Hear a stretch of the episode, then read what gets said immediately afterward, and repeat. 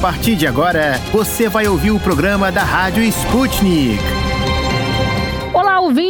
Eu sou a Tayana de Oliveira e hoje apresento o programa da Rádio Sputnik com a querida Melina Saad. É isso aí, Tayana. Vamos juntas trazer o que acontece de mais importante no Brasil e no mundo nesta quarta-feira, dia 16 de março. As movimentações políticas seguem a todo vapor com a proximidade das eleições de outubro, Melina. O PL, partido do presidente Jair Bolsonaro, filiou quatro deputados em uma cerimônia realizada em Brasília. Com isso, o partido se tornou a maior bancada da Câmara dos deputados. Segundo o levantamento do portal G1, o partido tem agora pelo menos 60 deputados e deve receber novas filiações nos próximos dias. Durante a cerimônia de filiações, o presidente do partido, Valdemar Costa Neto, comemorou o que chamou de sorte de receber o chefe do executivo no partido e afirmou que a sigla precisa ser fiel a Bolsonaro e fazer tudo o que ele estabelecer. Eleito pelo PSL, Bolsonaro brigou com o presidente da legenda e saiu do partido. Junto com seus aliados, tentou fundar o Aliança pelo Brasil, mas não teve sucesso e acabou se filiando ao PL. Outro tema que vem repercutindo em Brasília é a alta dos combustíveis. O ex-presidente Lula, pré-candidato à presidência, fez críticas em relação à política de preços da Petrobras realizada pelos governos de Jair Bolsonaro e Michel Temer. O petista afirmou em entrevista à Rádio Espinharas que a alta drástica no valor de combustíveis no país não deve ser atribuída à situação na arena internacional, em referência aos desdobramentos da crise na Ucrânia. Lula afirmou ainda que, caso seja eleito, a Petrobras será devolvida para o povo. Na entrevista, o petista manifestou preocupação com a violência na sociedade, bem como os métodos utilizados por Bolsonaro na corrida à reeleição. Na cena internacional, o ministro das Relações Exteriores da Rússia, Sergei Lavrov, afirmou que o Ocidente não quis resolver a situação relacionada à Ucrânia por meios pacíficos. O chanceler afirmou ainda que Moscou está pronta para buscar novos caminhos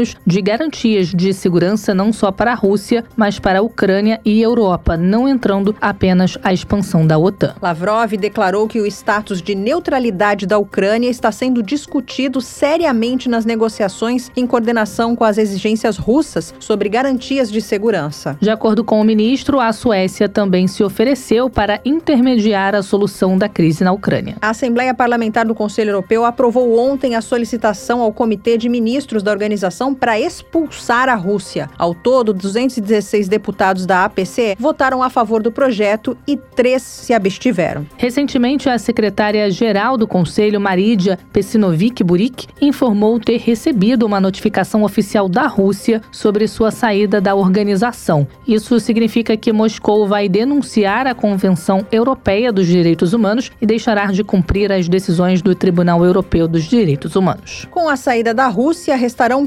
46 países membros na organização. A representante oficial do Ministério das Relações Exteriores russo, Maria Zakharova, comentou a decisão da entidade, afirmando que há tempos o Conselho se tornou uma ferramenta de propaganda da OTAN. Por sua vez, o presidente da Duma de Estado russo, Vyacheslav Vodolin, disse que sem a Rússia, a instituição europeia perde seu sentido por ultimamente ter se dedicado a criticar e pressionar a Rússia. E a única saída, nas palavras dele, é a auto do Conselho. Nesta quarta-feira, o presidente kazakh Kassim Jomar Tokayev revelou um pacote de reformas em resposta aos apelos da sociedade de realizar mudanças políticas nacionais. Ao discursar em sessão conjunta dos parlamentares, o mandatário propôs a mudança de governo superpresidencial para uma república presidencial com um forte parlamento. Entre as medidas anunciadas, o chefe de Estado kazakh afirmou que os familiares do presidente do Cazaquistão estão proibidos de ocupar ocupar cargos políticos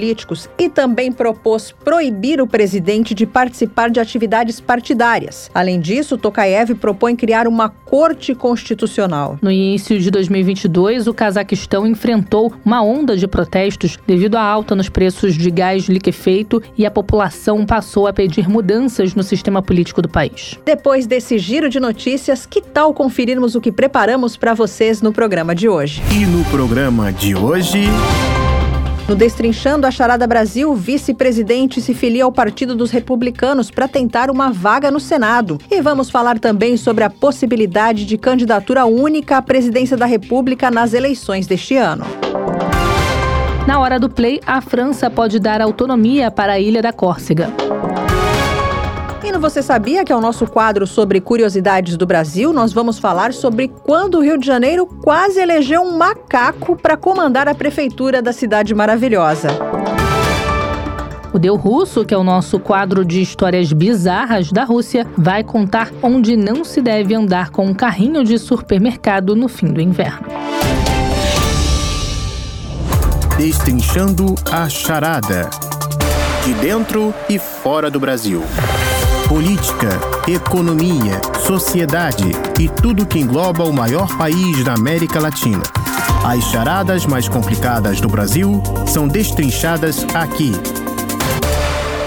Oi, Melina e queridos ouvintes. Hoje a gente preparou mais um Destrinchando a Charada Brasil sobre política. Isso mesmo, vamos falar de política de novo. Afinal, é um tema que, às vésperas de uma eleição, dificilmente vai se esgotar. O vice-presidente Hamilton Mourão se filiou ao Partido dos Republicanos nesta quarta-feira, dia 16 de março, em Brasília. A ideia do vice-presidente é disputar uma vaga no Senado pelo estado do Rio Grande do Sul. Pois é, Melina, essa informação leva a muitos questionamentos. É, Thay, o Mourão é vice do presidente Jair Bolsonaro e fica de fora da chapa nas eleições deste ano. Lembrando que Bolsonaro já se pronunciou dizendo que não pretende renovar essa parceria. E tem outra questão: como senador, quais seriam as bandeiras de Hamilton Mourão? Será esse mesmo o fim do casamento Bolsonaro-Mourão? Ou será que, eventualmente, com uma cadeira no Senado, Mourão se aliaria ao governo Bolsonaro se houver a reeleição? São todas essas perguntas cheias de suposições que são nossas e de muitos ouvintes também. Afinal, Afinal, essa é uma novela que o brasileiro acompanha de perto e com muita curiosidade, porque tudo o que acontece interfere na nossa vida, não é mesmo, Thay? Com certeza. E para render mais esse assunto, eu vou chamar o professor Vitor Leandro, cientista político da UF, para explicar para a gente como deve ficar esse cenário político. Seja muito bem-vindo, professor Vitor. Essa movimentação toda sinaliza um rompimento da parceria do Mourão com o presidente? É óbvio que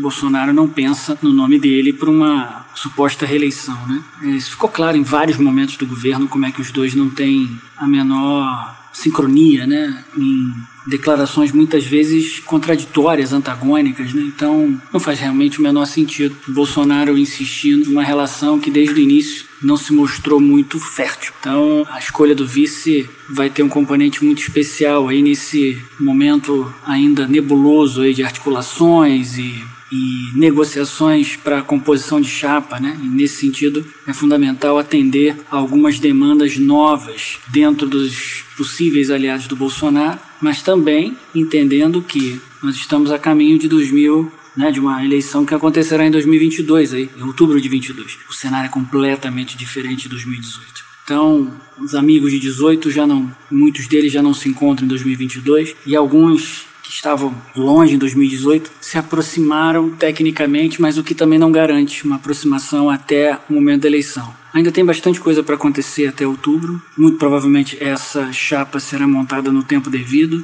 mas definitivamente Mourão não estará nessa chapa por razões óbvias, por incompatibilidades óbvias demonstradas ao longo desse mandato do Bolsonaro. O senhor acredita que o vice-presidente tem chances de conseguir o que ele quer, uma vaga no Senado? Acho possível que ele consiga, até por conta da notoriedade que ele ganhou ao longo do mandato, né? Então, é interessante, politicamente interessante que ele use esse capital político numa eleição para o Senado que garante já um mandato de oito anos, né? E é muito provável que ele consiga. Agora, tudo leva a crer que, uma vez eleito, se for eleito, que fique claro, é muito provável que o Mourão realmente se coloque como oposição a um possível segundo mandato né, de Bolsonaro, por conta dessas relações pessoais que foram muito conturbadas e não apenas com o Bolsonaro, mas principalmente com a família, né, com os filhos do Bolsonaro. A relação nunca foi muito boa. Então, no nível pessoal, é muito provável que haja muito mais diferenças do que proximidade. Mas também não acho que em determinadas pautas, principalmente pautas mais conservadoras, pautas mais à direita, não me surpreenderia se o Mourão, num possível mandato de senador, não votasse com o governo em questões tópicas, questões pontuais. Mas, no geral, é muito improvável que uma atuação do Mourão no Senado possa marcar algum tipo de reaproximação ou de vinculação a um eventual segundo governo Bolsonaro. Obrigada, professor, por essa colaboração aqui com a Rádio Sputnik e a gente se encontra outras vezes. O papo não acaba aqui, aliás, está só começando. Agora é a vez de outro professor também da UF, o cientista político Marcos Iannone. Seja bem-vindo, professor, e vamos direto ao assunto. Essa ruptura entre Bolsonaro e Mourão indica que nunca houve uma afinidade entre os dois? Quando um candidato a vice-presidente ele é de um partido diferente do candidato a presidente, né? Isso é indicativo de que existe uma aliança partidária. Então, havendo essa aliança, no programa dessa aliança tende a constar tanto propostas do partido do candidato a presidente como do partido do candidato a vice-presidente, né? É, o Bolsonaro ele queria um militar como vice, né? E ele escolheu o Mourão, né? Que era do PRTB um partido pouco expressivo no Congresso, né, e que aparentemente não ameaçaria o presidente, né?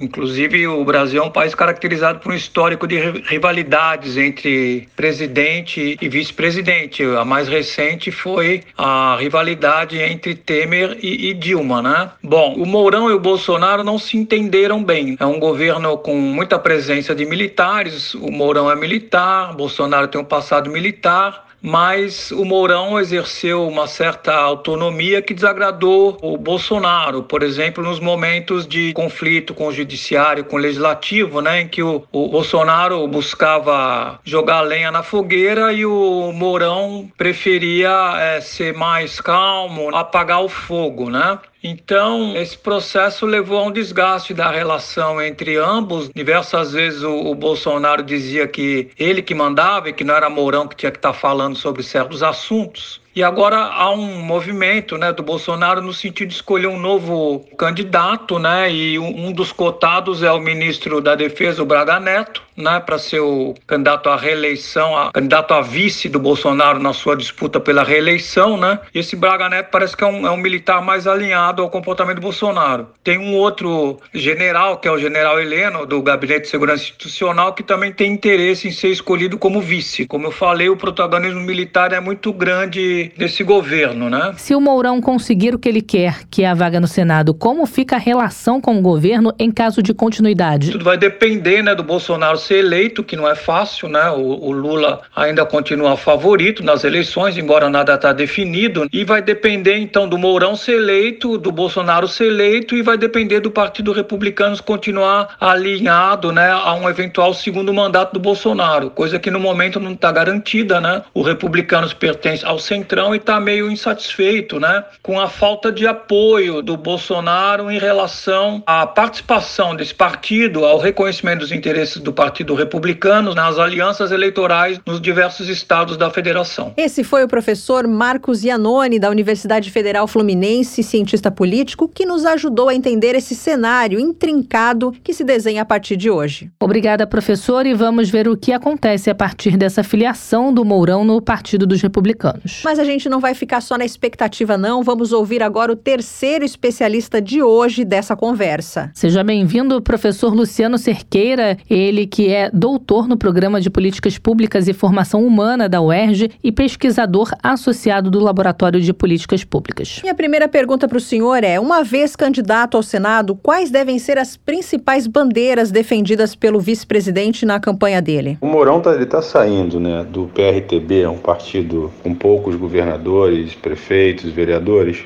por republicano, né, que está um partido está um pouco maior, possui dois governadores, mais de 200 prefeitos. O que ele está atrás é de palanque, né? Ele está atrás de palanque, ele quer é ter visibilidade. A questão é que esses dois partidos eles tem muito em semelhança, né? É o partido que trata de família, que trata de combate à corrupção, né? Um Brasil para os brasileiros corretos. Então essas serão as bandeiras do Mourão, né? Ele vai trocar, na verdade, seis por meia dúzia, ideologicamente falando. Ele sai de um partido que defende a família, combate à corrupção, é a favor dos humanos direitos, né, não dos direitos humanos e coisas do gênero, e vai para outro partido cuja as bandeiras são bem parecidas. Então a gente pode esperar um Mourão na campanha ao Senado pelo Rio Grande do Sul, defendendo a família brasileira, defendendo a pátria brasileira, Brasil acima de tudo, essas coisas. Como ele está indo, a gente tem que ter uma clareza aqui. O Mourão está indo,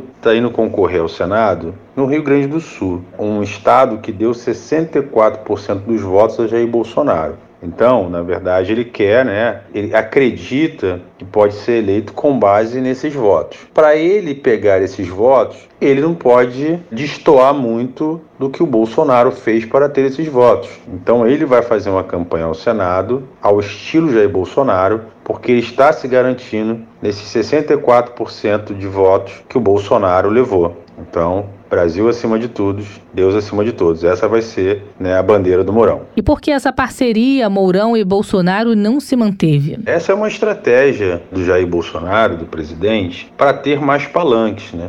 Então, assim, o Mourão concorrendo ao Senado no Rio Grande do Sul, vai haver um evento em que o Mourão vai levar Jair Bolsonaro. Ele vai ter um espaço. A gente vai ver muitos ministros saindo do governo nos próximos meses, concorrendo a governo de Estado, e nós vamos ver claramente que alguns desses ministros não têm a menor chance de serem eleitos. Mas por que eles farão isso? Eles farão isso para criar palanque para o Jair Bolsonaro.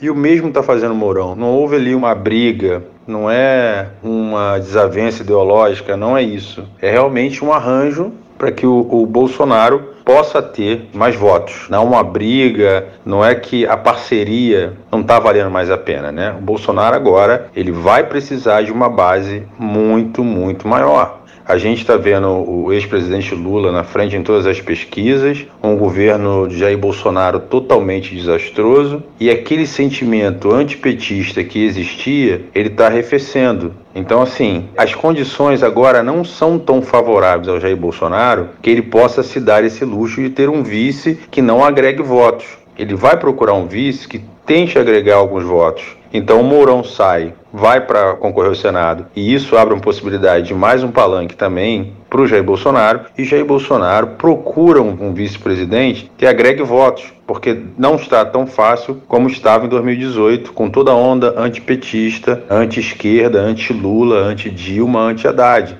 As coisas mudaram. Bolsonaro precisa de votos. Então ele vai correr atrás de um vice que agregue votos. Mourão, se eleito senador, será pró-Bolsonaro ou contra Bolsonaro? O Mourão, ele está indo disputar num estado que o Jair Bolsonaro teve 64% dos votos. A gente não pode esperar que ele vá falar para esse eleitorado, pedir o voto desse eleitorado e depois ser oposição a um possível governo Bolsonaro. Isso é muito pouco provável, ainda mais ele indo para um partido, está na base aliada do governo Bolsonaro, tem ligação com a, a, Igreja Universal do Reino de Deus, que também né, faz parte aí da base aliada do governo Bolsonaro. Então, assim, o Mourão ele vai para o Rio Grande do Sul pedir votos ao eleitorado do Bolsonaro e provavelmente uma eventual vitória de Jair Bolsonaro ele será um aliado, ele não vai fazer ele não vai fazer oposição. Pela posição política dele em si, ele é um, um eleitor típico de Jair Bolsonaro, é um conservador clássico. Sendo senador,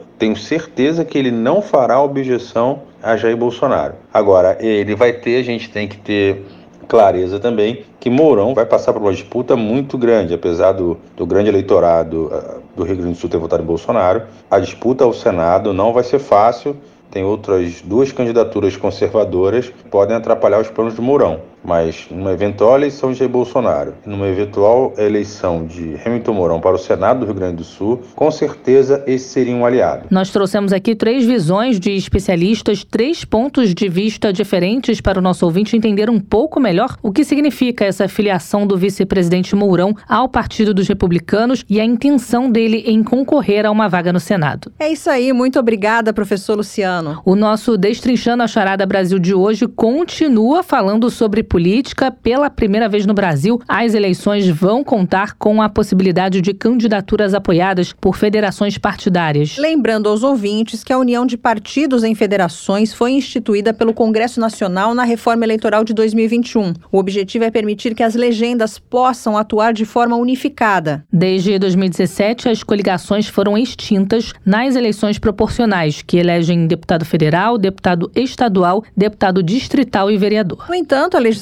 continua a permitir a união de partidos em torno de uma única candidatura nas eleições majoritárias, ou seja, para os cargos de presidente, senador, governador e prefeito. Com a criação das federações, os partidos poderão se unir para apoiar qualquer cargo, desde que assim permaneçam durante todo o mandato a ser conquistado. As federações se equiparam aos partidos políticos em direitos e deveres e devem possuir um estatuto próprio, com regras sobre fidelidade partidária e sanções a parlamentares que não cumprirem de votação, por exemplo. As punições que se aplicam aos partidos políticos também são cabíveis às federações. Se algum partido integrante da federação deixar o grupo antes do prazo mínimo de quatro anos, estará sujeito a diversas sanções, como, por exemplo, a proibição da utilização dos recursos do fundo partidário durante o período restante do mandato. Exatamente, Melina. E se um parlamentar deixar um partido que integra a federação, recairá sobre ele as mesmas regras aplicáveis a um partido político. Para as eleições deste ano, os partidos já estão se movimentando para decidir se vão lançar candidatura única à presidência da República. Recentemente, MDB, PSDB e União Brasil anunciaram que estão conversando sobre essa hipótese e que podem ainda receber apoio de outros partidos. Exatamente, tá? E a gente pode citar como exemplo o caso do Podemos, que tem como pré-candidato o juiz Sérgio Moro, fazendo comentários de que não descarta a possibilidade de integrar essa aliança. Por outro lado, especialistas acreditam que outros partidos que foram deixados de fora dessa articulação acabam sendo ainda mais pressionados para aderir a um dos lados da polarização. E para trazer mais detalhes sobre esse tema, a gente conversa com a professora de Teoria Política e Política Internacional da Universidade Federal Rural do Rio de Janeiro, Mayra Goulart da Silva, que coordena o Laboratório de Partidos, Eleições e Políticas Comparadas na Universidade Federal Rural do Rio de Janeiro e também na UFRJ.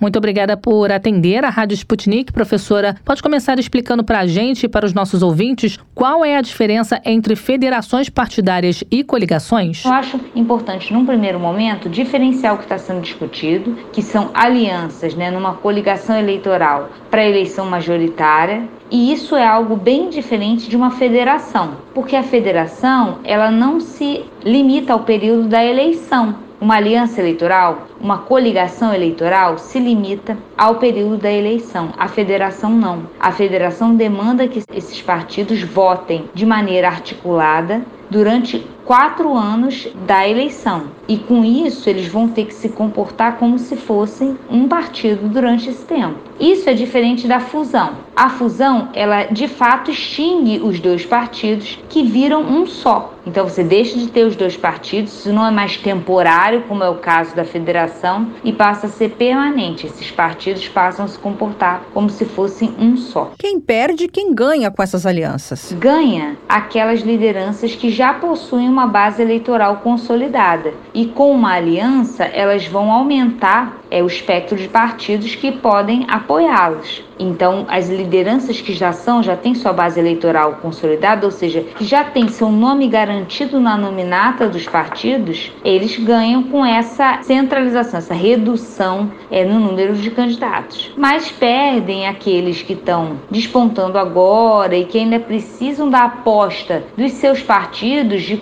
de oferecerem para eles legenda para que eles construam suas bases. Uma vez que essa questão de construir uma base a longo prazo ela vai se tornando muito difícil, uma vez que você tem espaço restrito na nominata dos partidos. Por que também, né? Qual é o segundo fator que isso, ao qual isso está relacionado? É atrelar, né, você ter acesso aos fundos partidários e eleitorais ao sucesso das candidaturas nas eleições proporcionais, sobretudo para a eleição para a Câmara dos Deputados. Então, os partidos eles vão ser muito rigorosos na composição das nominatas deles para que para as eleições proporcionais, né? Porque eles entendem que é necessário maximizar o número de suas bancadas, não só para aumentar a sua influência no processo legislativo, mas também o acesso recurso. Podemos dizer que esse movimento é fruto da dificuldade de uma candidatura da chamada terceira via despontar? Certamente está associado. Né? Você diminuir o número de candidatos para que eles possam concentrar o voto dos eleitores que não têm sua intenção já definida, quer no Lula, quer no Bolsonaro. Então, quando você diminui o espectro de candidatos, esses eleitores que não querem votar nem no Lula nem no Bolsonaro, eles são dirigidos para um número menor de candidatura, que de candidaturas, de nomes, né? Eles são dirigidos eventualmente para um nome só. E esse nome, portanto, vai aumentar as suas, a sua viabilidade eleitoral, aumentar o número de votos válidos que vai obter, ou ao menos aumentar as intenções de votos nas pesquisas realizadas antes das eleições. Então, certamente a união entre MDB, PSDB e União Brasil, ela ajuda a fortalecer uma candidatura de terceira via, mas aumenta o desafio de composição nos estados, uma vez que esses partidos têm associações, né, alianças muito diferentes em cada estado da federação. E vai ser muito difícil que eles consigam se alinhar para que todos os seus candidatos nas eleições estaduais apoiem, no caso da candidatura presidencial, um mesmo nome. Porém, já se discute a possibilidade né, de fazer vistas grossas para aqueles eventualmente candidatos, aqueles candidatos em nível estadual, que não venham a seguir a orientação nacional dos seus partidos para apoiar um mesmo nome para candidato à presidência, ou seja, o deputado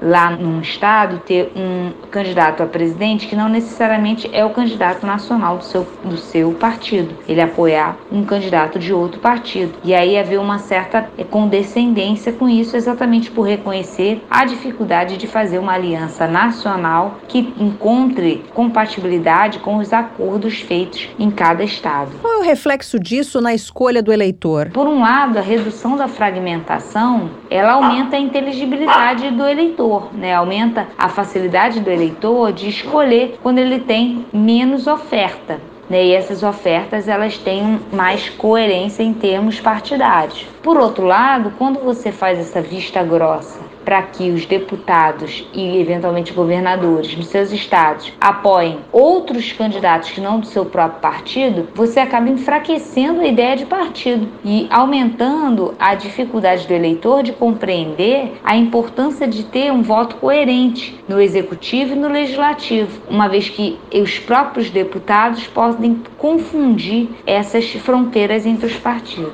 Essa é uma tentativa de movimentar um pouco a eleição, já que só se fala em polarização polarização entre duas candidaturas? Certamente é uma estratégia para melhorar o posicionamento dos demais candidatos, na medida em que eles até agora não ultrapassaram propriamente a barreira dos dois dígitos na pesquisa. Então a tentativa é evitar que a eleição se encerre no segundo turno, no primeiro turno, é que não vá para o segundo turno. E esse é um cenário provável em situações nas quais a gente tem dois candidatos muito fortes. Então, é, reconhecendo essa probabilidade, nessa possibilidade de uma eleição que se encerra no primeiro turno, esses partidos estão tentando reduzir a polarização entre Lula e Bolsonaro de forma a encontrar espaço para estarem no, no segundo turno ou pelo menos para que o pleito não se encerre já no primeiro turno. Como as pesquisas de intenção de voto podem ajudar os partidos na definição de um nome como candidatura única? Eu acho que o ideal seria a adoção de um sistema de prévias, né? Esses partidos, ao firmarem uma aliança, fazerem como fez na Hungria.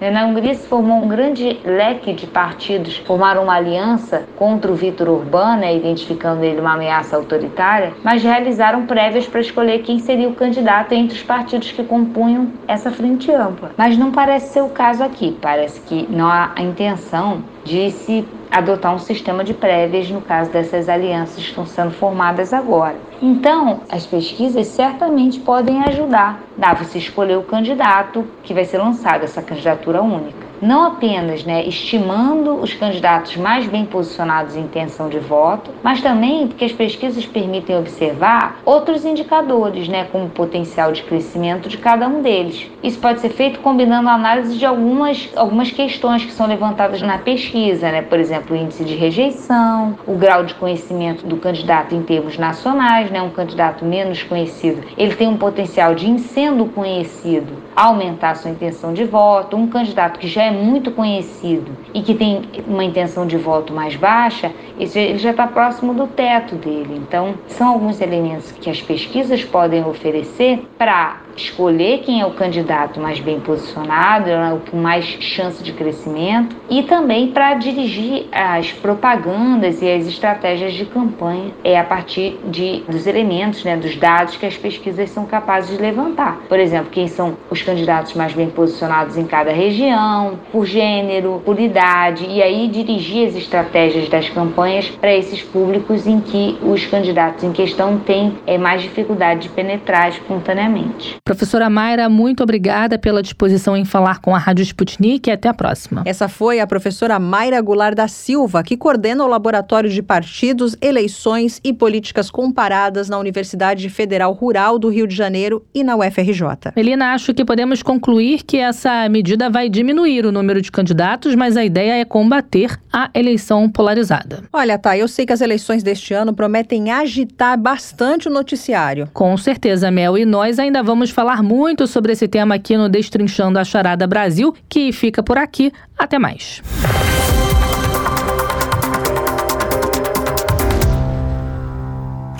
Hora do Play. Curtidas e mais curtidas da Rússia ao Brasil. Confira com a gente os vídeos da Sputnik Brasil que estão bombando na internet. E fique por dentro do que está sendo filmado por amadores e profissionais pelo mundo.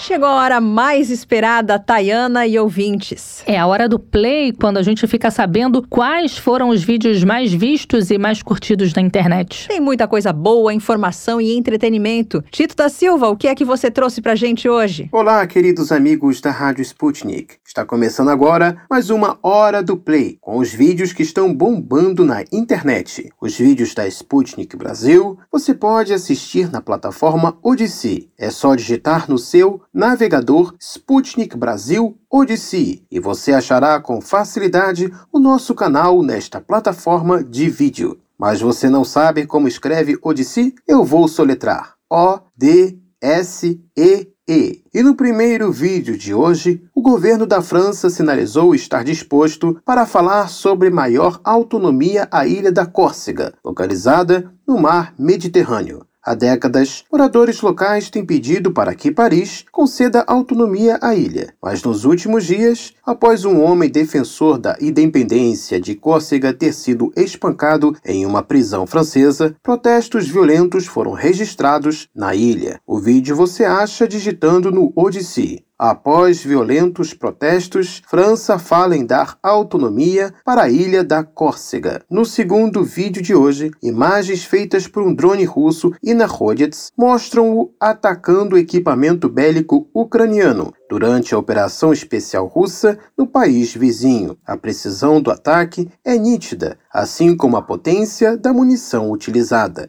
O vídeo você acha na Odyssey digitando drone russo Inahodets destrói equipamento bélico da Ucrânia. No terceiro vídeo de hoje, a Ucrânia voltou a atacar moradores de Donbass com mísseis balísticos. Desta vez, os militares ucranianos lançaram o míssil Totka-U contra a República de Donetsk. O míssil foi interceptado, mas acabou fazendo vítimas ao cair no solo. Dez pessoas ficaram feridas, incluindo três crianças. O vídeo você acha digitando no Odyssey. Donbass, forças da Ucrânia lançam míssil Totka-U de novo. E no quarto vídeo de hoje, um ataque com mísseis de alta precisão russos destruiu uma instalação militar ucraniana utilizada para armazenar foguetes. O ataque massivo acabou detonando foguetes ucranianos tanto na superfície quanto também em andares subterrâneos. Nas imagens pode-se ver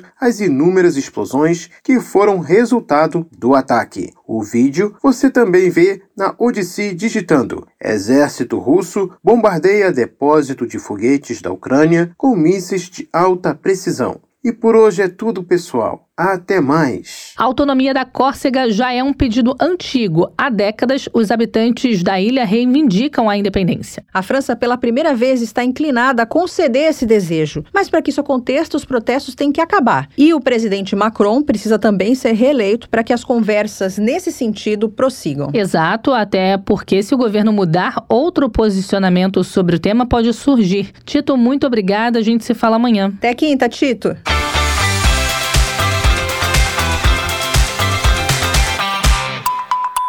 Para ficar por dentro de todas as novidades, tanto mundiais como brasileiras, se inscreva no nosso canal do Telegram. É muito simples. É só você escrever Sputnik Brasil na busca do Telegram e se inscrever para receber as notificações. Não se esqueça de ler, curtir e comentar nossas matérias no site br.sputniknews.com. Você sabia? Não? Agora vai saber! Num país gigante como o Brasil, sempre há mistérios ou peculiaridades históricas que merecem ser desvendados. Vem com a gente descobrir!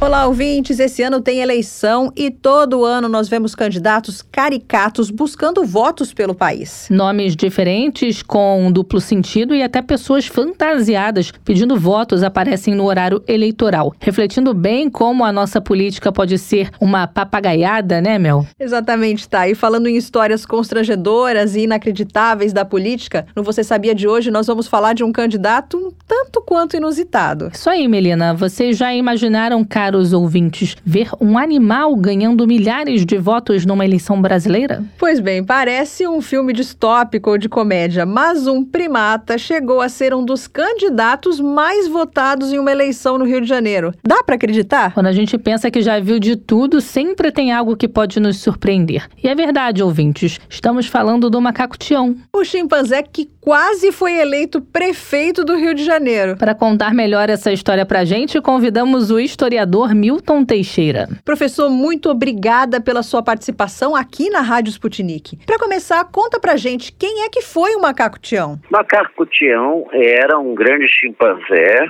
que atingiu a provecta idade de 38 anos e que era uma das atrações do zoológico do Rio de Janeiro. No início dos anos 90, com a desilusão que nós estávamos com os políticos brasileiros, um grupo de atores cômicos que pertenciam ao Caceta e Planeta, que era uma revista cômica, resolveu lançá-lo como candidato. Candidato a governador e depois a presidente. A plataforma do Macaco Tião, elaborada por eles, era coerente. Ele prometia dar uma banana aos credores, distribuir terras para todo mundo, porque o Macaco jogava terra em todo mundo, e, obviamente, não roubar. E ele teve uma votação expressiva. Na verdade, ele só não venceu porque a sua candidatura acabou impugnada. Mas fizeram folhetos, eu me lembro dos folhetos dele, vote no macaco Tião, e era, assim, uma espécie de contrapolítica. Foi a primeira vez que se fazia isso no Brasil. Em 1956, você teve o caso do rinoceronte cacareco em São Paulo, que obteve 300 mil votos, mais do que o necessário para ser governador do estado de São Paulo. Mas, obviamente, não foi, não tomou posse. Isso só mostra a desilusão que nós temos com os nossos políticos. Podia ser um nome qualquer, podia ser um palavrão, podia ser uma figura alegórica, o palhaço carequinho, qualquer outra coisa. Isso só mostra que né, em 1990 já havia uma grande disposição contra a classe política que nos dirigia e contra as perspectivas de futuro administração pública. Então, realmente podemos falar em uma espécie de campanha ou movimentação em torno do nome do macaco Tião? Tinha campanha na rua, tinha folheto, eu me lembro dos folhetos. Eu até quis pegar, mas todos os folhetos que me apareciam estavam manchados, sujos, e realmente não estimulava, né, assim. Mas eu cheguei a ver os folhetos, botavam às vezes fotos originais do macaco Tião. Eles pegavam uma foto de qualquer macaco e colocavam. E você pode falar mais sobre a situação política da época que fez com que candidatos tão inusitados recebessem tantos votos? Em São Paulo, por exemplo, você tinha o famoso candidato Ademar de Barros, que tinha como mote rouba mais faz. Chegou a ser ironizado nos filmes da época, mas ele usava esse jargão mesmo, rouba mais faz. E aqui no Rio de Janeiro nós tínhamos tido uma série de governadores extremamente ineficientes, Moreira Franco, Brizola, as pessoas estavam muito chateadas. E depois na presidência da República você vai ter desilusão com Fernando Collor também, né? E uma coisa, a vice era a girafa. Isso eu me lembro. Macaco morreu na época do governo César Maia, que decretou luto de sete dias e bandeiras a meio pau. Como o meio político reagiu ao sucesso do Macaco Tião no pleito? Olha, alguns políticos com mais presença de espírito aceitaram bem e comentaram que a verdade é que isso só mostrava a desilusão do povo do Rio de Janeiro com a sua classe política. E para encerrar, professor, você poderia falar mais sobre esse outro candidato inusitado, o rinoceronte cacareco? Em 1956 chegou a São Paulo o rinoceronte rinoceronte cacareco do Jardim Zoológico de São Paulo. Saiu na mídia e tudo mais. E qual não foi a surpresa nas eleições é, para governo do estado desse mesmo ano o Cacareco levar 300 mil votos. E ele levou mais que o candidato eleito. Mas, obviamente, por ser um bicho né, e não ter um registro eleitoral, os votos dele foram anulados. No caso do Macaco Tião, ele chegou a ser proposto duas vezes ao governo do Estado e o Marcelo Alencar, depois seria governador do Rio de Janeiro, dizia, quando ele morreu, né, que concorri duas vezes contra ele.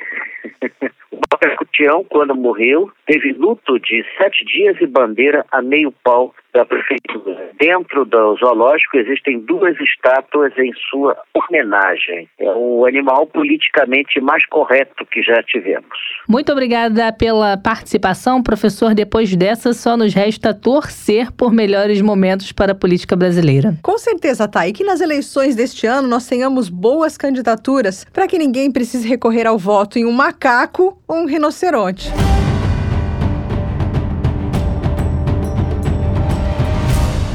Olá, ouvintes, todos aqui já sabem que o Brasil é referência mundial quando falamos de futebol, né? Com certeza, Thay, mas infelizmente quando nós falamos sobre o tema, a maioria das pessoas só pensa na seleção masculina. Exatamente, mas um dos maiores nomes do futebol mundial é a brasileira Marta. Vocês sabiam que ela é a mulher que reúne mais títulos de melhor do mundo? Pois é, nosso orgulho. Para falar um pouco sobre a Marta e a sua importância para o futebol feminino, nós conversamos com a Leda Maria da Costa, pesquisadora do Laboratório de Estudos em Mídia e Esporte da Faculdade de Comunicação da UERJ. Leda, obrigada pela sua participação. A brasileira Marta é a que tem o maior número de títulos de melhor jogadora do mundo. Existe um jogador de futebol masculino equivalente a ela em termos de título e também de importância? Acho que a gente pode pensar que o futebol não existe nenhum atleta de futebol que tenha conquistado seis títulos. Isso é bem interessante. Ela ser uma mulher que vai conseguir algo que nenhum homem conseguiu num esporte até pouco tempo atrás considerado como quase que exclusivamente dos homens, né? Num esporte que tanto criou obstáculos e problemas para a participação das mulheres e cabe a uma mulher dentro da eleição organizada pela FIFA, a principal federação de futebol do mundo, em sua eleição ter como maior vencedora uma mulher. Então, isso é bem interessante. Leda, o que você pode nos contar sobre a história da jogadora Marta? A história da Marta, né? Pessoal e profissional, talvez elas em algum momento se misturem essa história.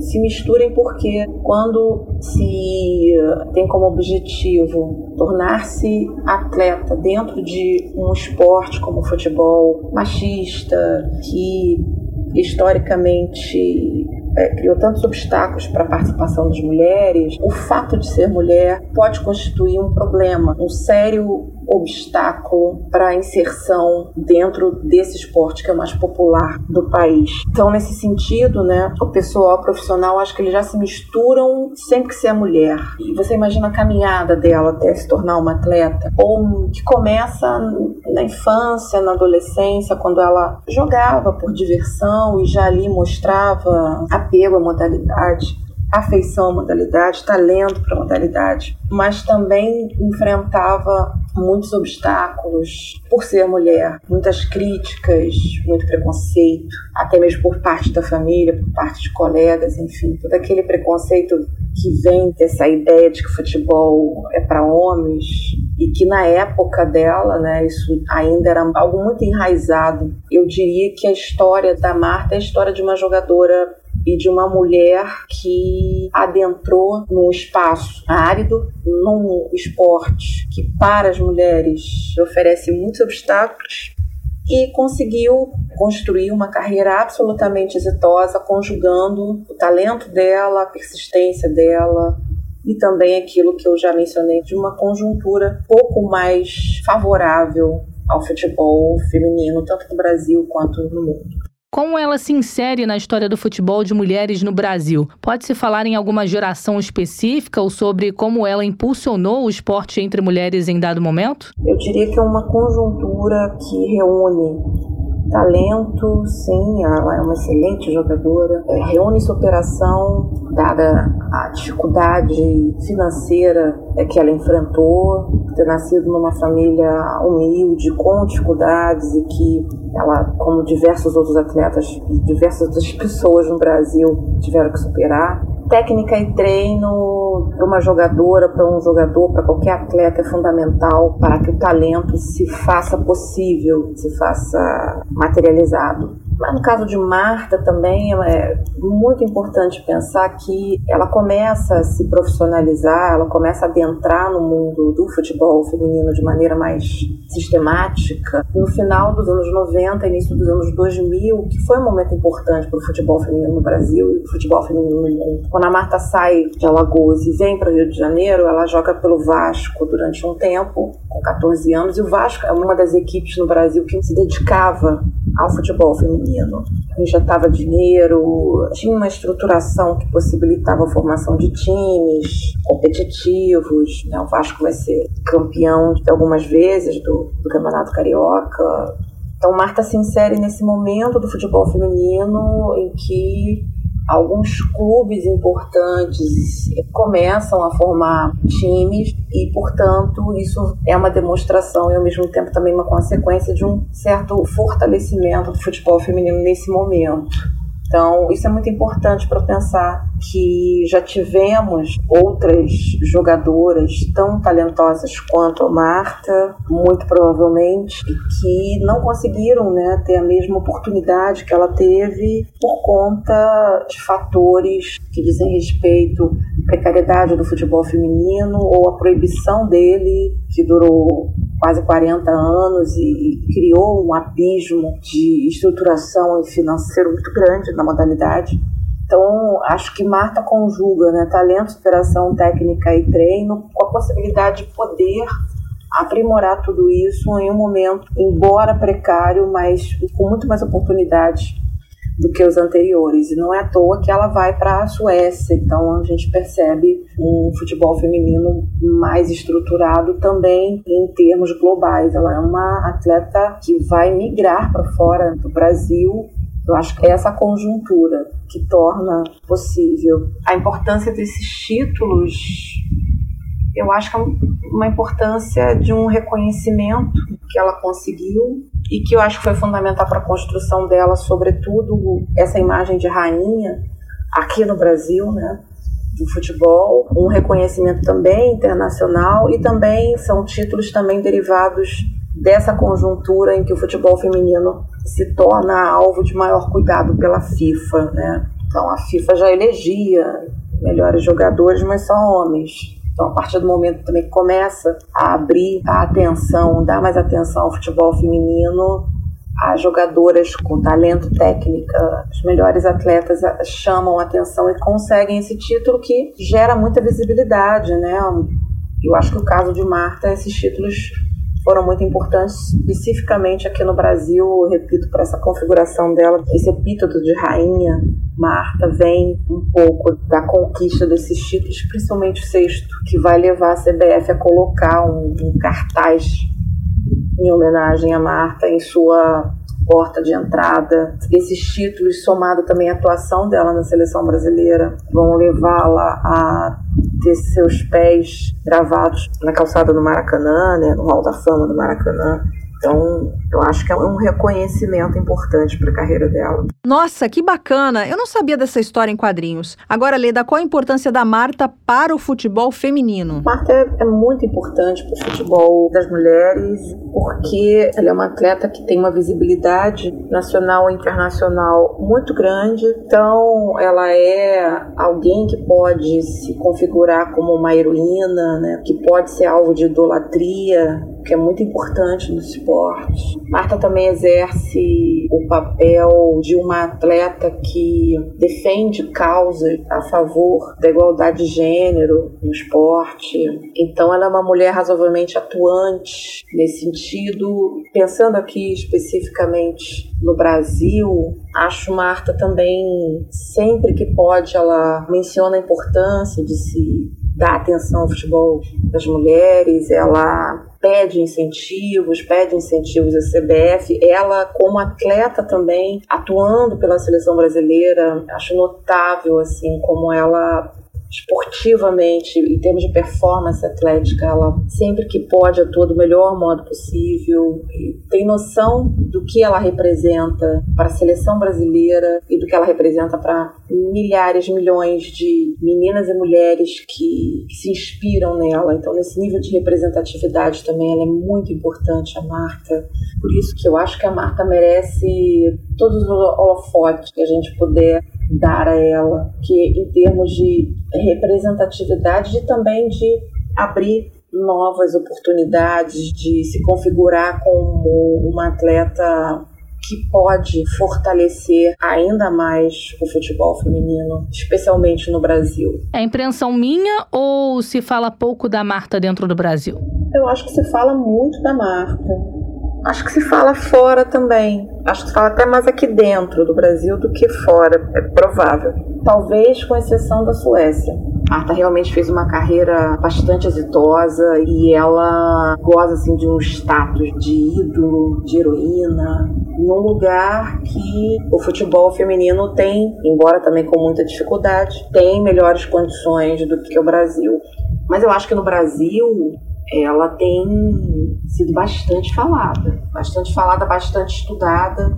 Marta vai ter a história dela contada em quadrinhos, que vai ser publicado em breve. Marta tem os pés dela na calçada da fama do Maracanã. Marta já faz muitos comerciais aqui no Brasil, fora também. Ela faz a campanha junto com o Cristiano Ronaldo do shampoo. Então, eu acho ela bem falada assim, assim em termos de quantidade.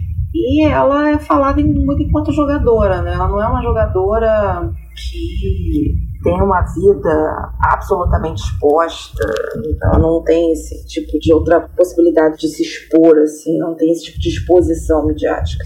Acho que por opção, enfim.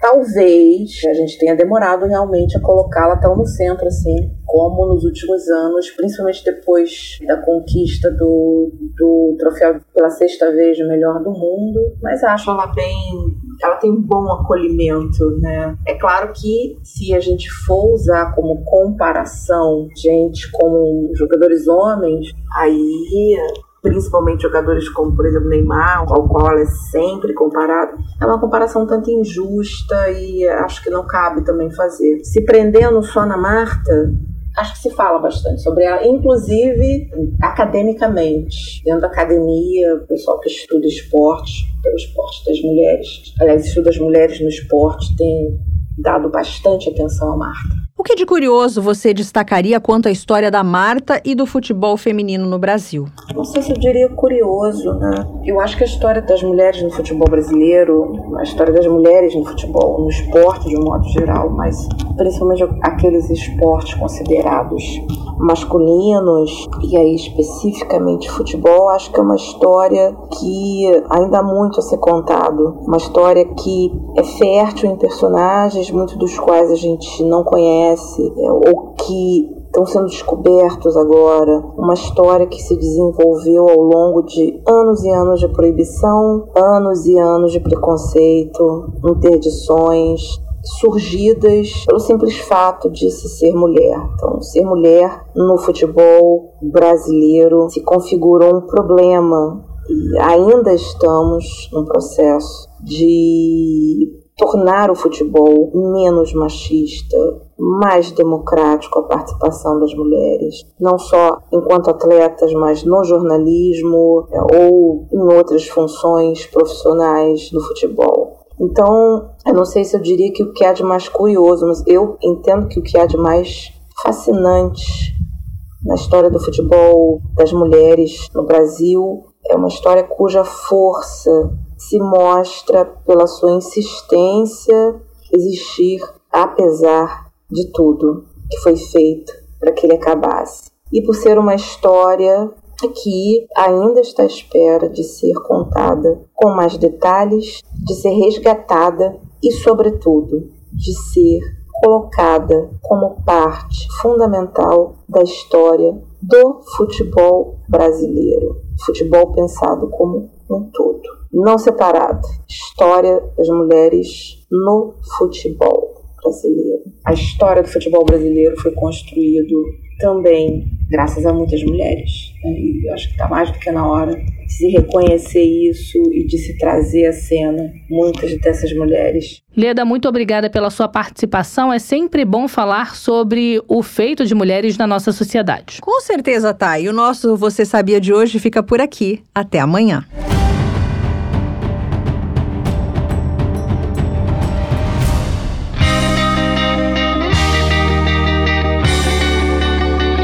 Russo. De notícias bizarras do Brasil já estamos mais que saciados. E as bizarrices que acontecem na Rússia, hein? É outro nível, rapaziada. Ih! Deu russo!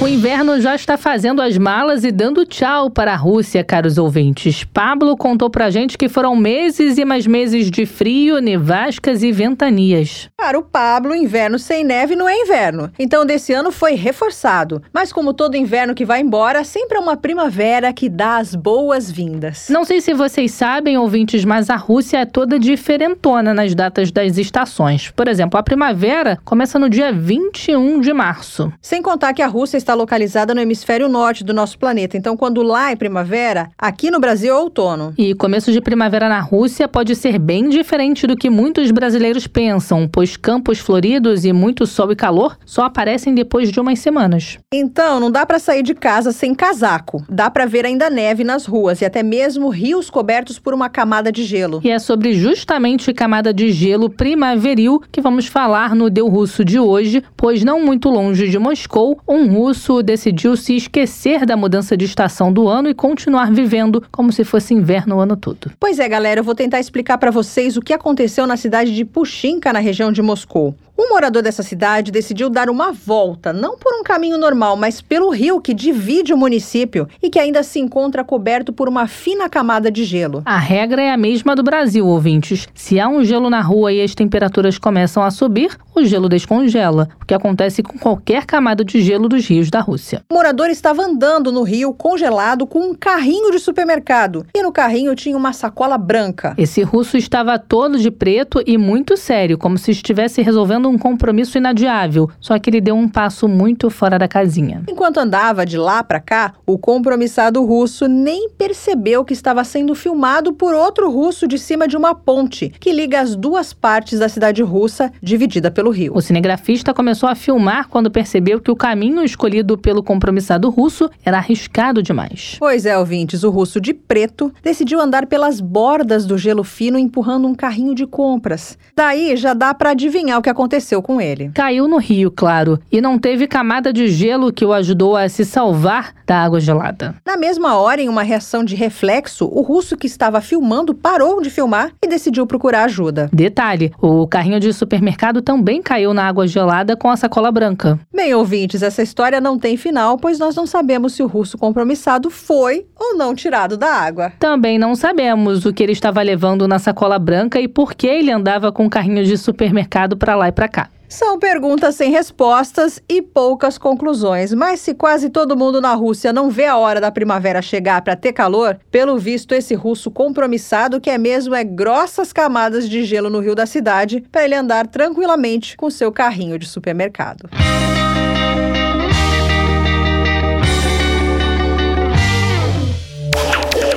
Tem alguma dúvida ou comentário sobre a Rádio Sputnik? Você pode entrar em contato com a gente através do e-mail radio.br@sputniknews.com. Não se esqueça de ler, curtir e comentar nossas matérias no site br.sputniknews.com. Hora de dar tchau.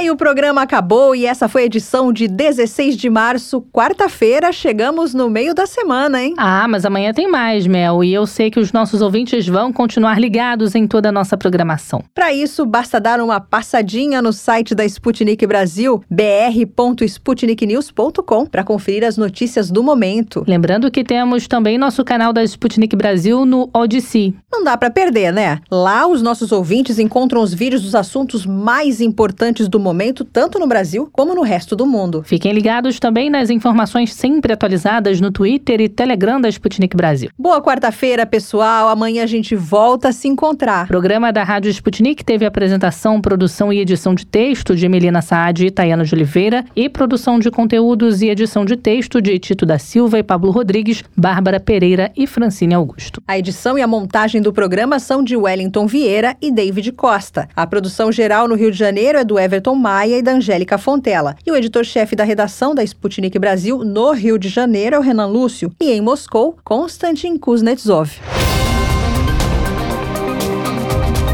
Você acabou de ouvir mais um programa da Rádio Sputnik.